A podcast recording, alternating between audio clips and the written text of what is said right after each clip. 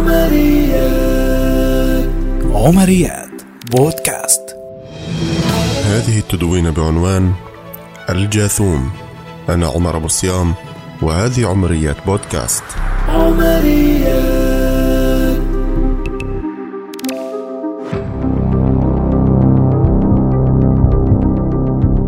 بدأ هذا اليوم ككل أسلافه.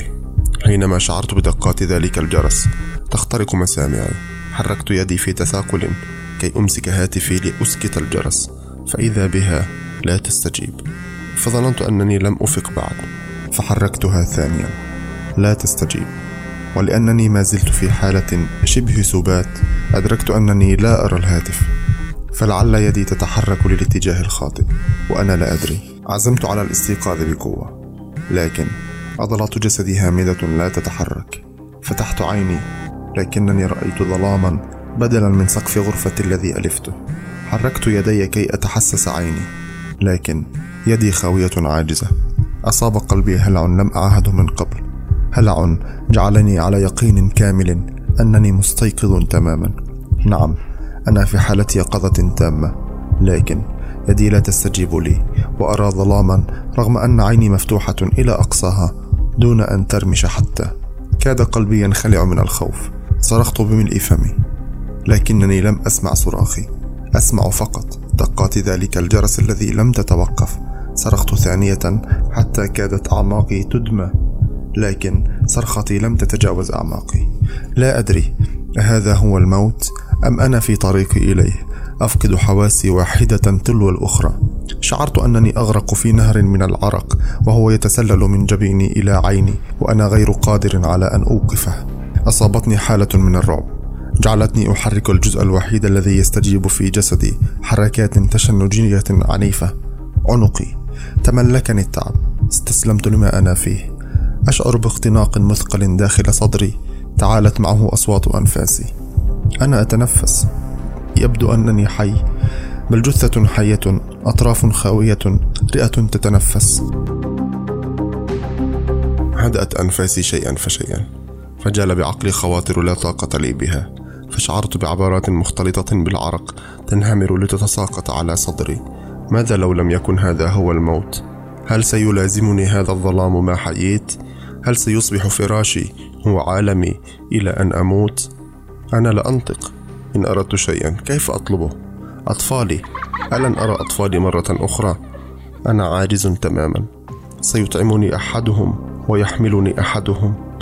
أخذتني الخواطر حتى صورت لي أبسط التفاصيل في حياتي. بدت تلك التفاصيل البسيطة مزعجة جدا ومعقدة للغاية مقارنة بتلك الحالة من العجز التي تسيطر علي. تمنيت لو أنني أستطيع الرؤية فقط فلربما هون ذلك علي. فرؤية أطفالي والعالم حولي ستضيف قدرا كبيرا من البهجة بدلا من ذلك الظلام الحالك. ولربما أستطيع القيام ببعض الأمور رغم شلل أطرافي. ثم تصورتني وأنا يحملني أحدهم ويطعمني أحدهم ولربما ضاق الكل بي ذرعا فتمنيت الحركة بدلا من الرؤية ثم آثرت النطق على الحركة. تاهت بي التصورات والخواطر حتى يئست تماما فرددت لفظة الله بأنفاسي أستغيث بها وبينما أنا مستغرق باك على حالي إذ بعيني تنفتح رويدا رويدا ويظهر سقف غرفتي ضبابيا هاتفي في يدي. يصدر تلك الدقات حركت يدي فإذا بها تستجيب لي. حركت قدمي فإذا بها تطاوعني. ارتسمت على وجهي ابتسامة متعبة. غمرني اطمئنان لم أشعر به من قبل. لساني الذي عجز عن النطق وجدته يردد لا إراديا بصوت خافت. الحمد لله. الحمد لله. اعتدلت في جلستي ببطء منهك. جسدي يؤلمني وكأن شاحنة مرت فوقه. ومع ذلك تغمرني سعادة لم أصاحبها في حياتي قط. ما حدث لي لم يكن كابوسا عابرا. عرفت فيما بعد أنني أصبت بحالة واقعية تسمى الجثوم أو شلل النوم. كنت واعيا ولكن غير قادر على الرؤية أو الحركة أو الكلام. لدقائق معدودة فقدت بعض نعم التي ألفتها. لأعلم أنني كنت أملك الدنيا وأنا لا أدري. انحصر كل رجائي خلال تلك الدقائق في استرداد عادية حياتي التي كنت مللتها. بعدها لم تعد أيامي متشابهة. رأيت المعنى في كل شيء. الآن أستيقظ كل يوم وكأنني أخلق من جديد.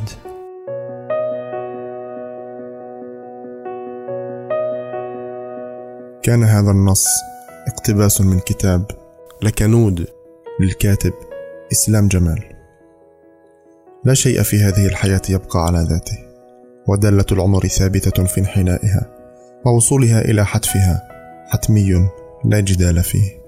كم مرة سألت أحدهم عن أحواله ليقول لك لا جديد. وماذا يريد المرء أكثر من ذلك؟ عيون ترمش وأذنان تسمعان وقلب يخفق برشاقة وحلق لا يؤلمك حينما تبلع الريق ورجلان لا يخونانك. حينما تشتهي رشفة من كأس ماء بارد وأيد بأصابع متحركة تلتقط أدق الأشياء بخفة وصلابة. ألا يبدو ذلك كافيا للامتنان؟ وهل يرضيك أن يكون الجديد المنشود هو كريات الدم الحمراء التي تتجدد باستمرار وخلايا الجلد التي تبدل نفسها كل يوم بأخرى أكثر صلابة وحيوية؟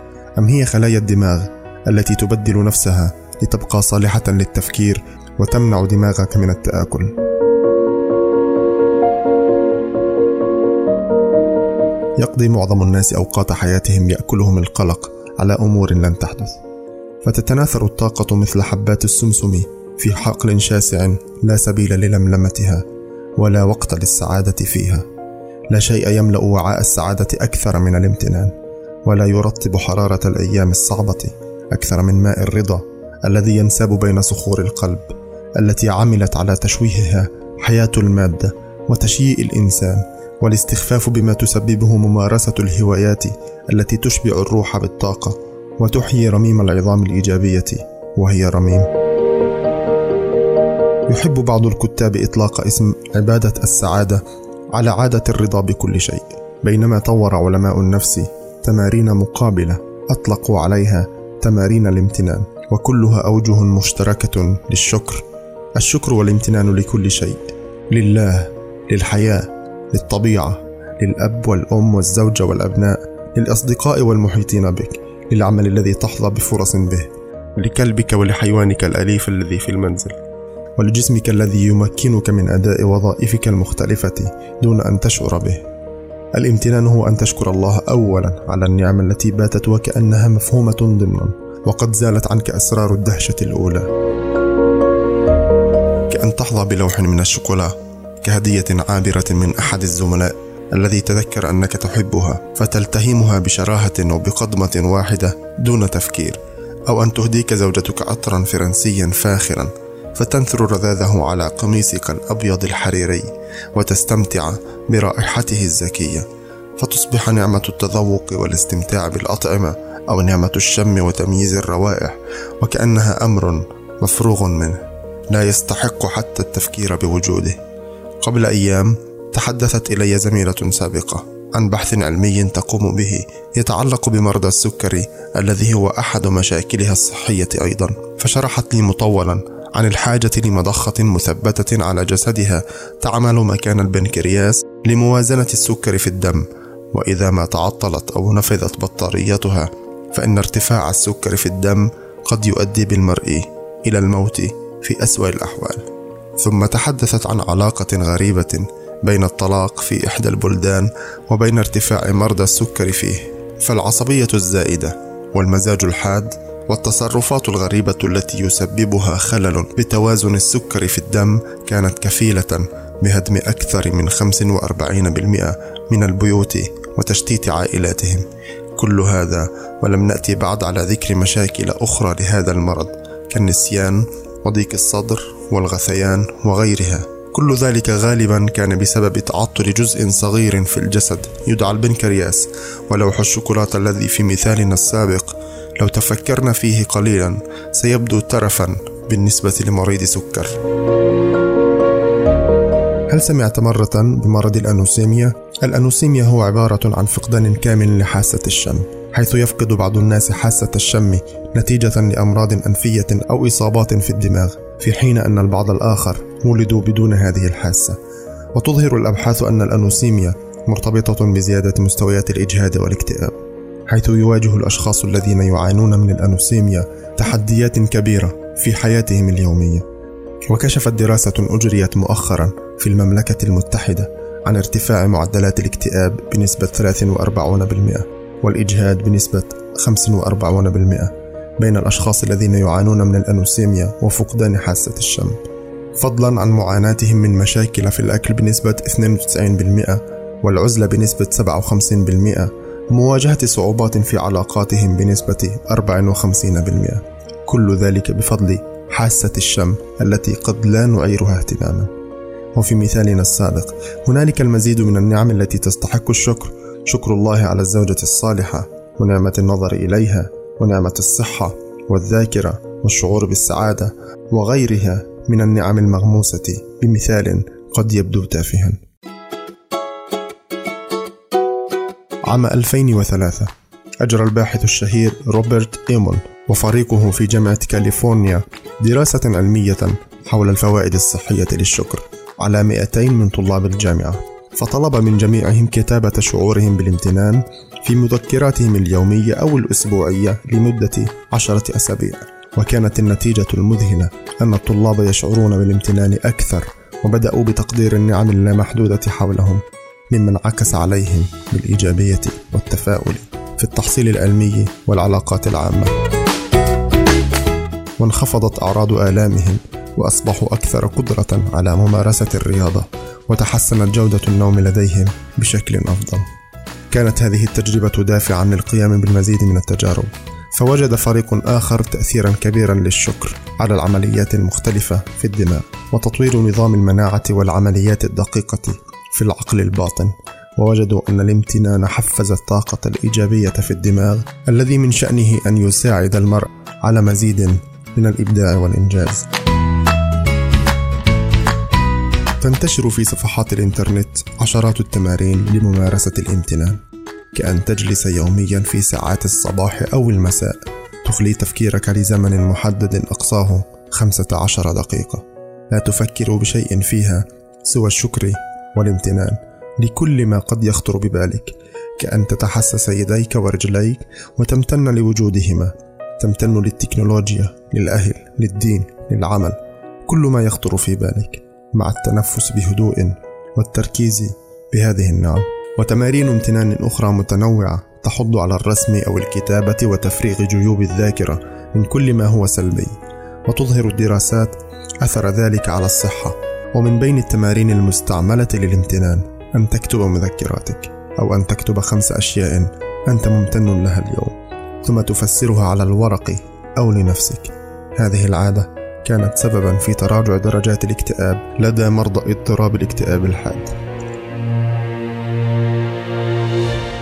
وفي الشريعة الإسلامية التي لم تخلو طرائقها من الامتنان لتريح النفس وتزيل عنها ما كسبت وما اكتسبت وتغسل القلب بماء الرضا والاعتراف بالضعف والحاجة لإله واحد خلق الكون. والامتنان له بأن أحاطنا بأشخاص شكلوا سورا ضخما حولنا يحمينا ويمنع عنا آفات كثيرة. فكانت صلاة الضحى على شكل تمارين روحانية للامتنان. فتصلى في الصباح بعد شروق الشمس بعشرين دقيقة ولتكون صدقة وامتنانا لله على صحة مفاصل الجسد التي يبلغ عددها 360 مفصلا. كما جاء في الحديث الشريف خلق الإنسان على ستين وثلاثمائة مفصلا على كل مفصل صدقة. ثم قال يصبح على كل سلامة من أحدكم صدقة. فكل تسبيحة صدقة وكل تحميدة صدقة وكل تهليلة صدقة وكل تكبيرة صدقة وأمر بالمعروف صدقة ونهي عن المنكر صدقة ويجزئ من ذلك ركعتان يركعهما من الضحى. ومفهوم الصدقة في هذا الحديث هو الامتنان كلمة طيبة صدقة تبسمك لأخيك صدقة. كل معروف للامتنان والرضا أوجه عديدة فالامتنان أن تكون ممتنا لما هو في جعبتك والرضا هو أن ترضى بها. ولكن هذا لا يعني أن تقعد عن تحقيق أحلامك لحجة الرضا أو أن تطلب المزيد بدعوى أنك ممتن لما وصلت إليه. الأجدر يا صديقي أن تتلحف رداء الرضا وتمسك بسيف الطموح بيمينك وبدرع الامتنان الحديدية بيسارك ثم تسير حذرا في دروب الحياة. تقاتل بقوة لتصل إلى ناصية الحلم. وإذا ما اشتد عليك تساقط سهام الحياة تسلحت بدرع الامتنان والرضا إلى أن تسمح لك النفس بمواصلة الطريق. الامتنان هو المرهم السحري الذي يحميك في كل لحظات أيامك. الأيام التي تكسرك هي ذاتها التي تصنعك. أنت حصاد اللحظات التي اعتقدت أنها لن تمر ومرت ومرورها بخفة متعلق بنسبة الرضا المتغلغل في دمك. كلما ارتفعت ارتفعت قابلية المقاومة لديك. أخيرا أتى رجل إلى أبي حازم حتى يسأله عن شكر الله على نعمة العينين فقال له إن رأيت بهما خيرا أعلنته وإن رأيت بهما شرا سترته. فقال فما شكر الأذنين؟ قال له إن سمعت بهما خيرا وعيته. أما إذا سمعت بهما شرا دفعته قال فما شكر اليدين؟ قال لا تأخذ بهما ما ليس لهما ولا تمنع حقا لله هو فيهما. سينتهي هذا البودكاست بعد ثوان قليلة. أنت لست بحاجة للجثوم لترى معاني الأشياء. لذلك وقبل أن تنتقل إلى استكمال يومك خصص خمس دقائق امتنانية خالصة دون أن تفكر بأي شيء آخر وإذا استطعت تدوينها فذلك أفضل. آمل أنكم قد استمتعتم بما قدمته لكم وإلى لقاء آخر في عمرية جديدة. إلى اللقاء. عمرية عمريات. بودكاست.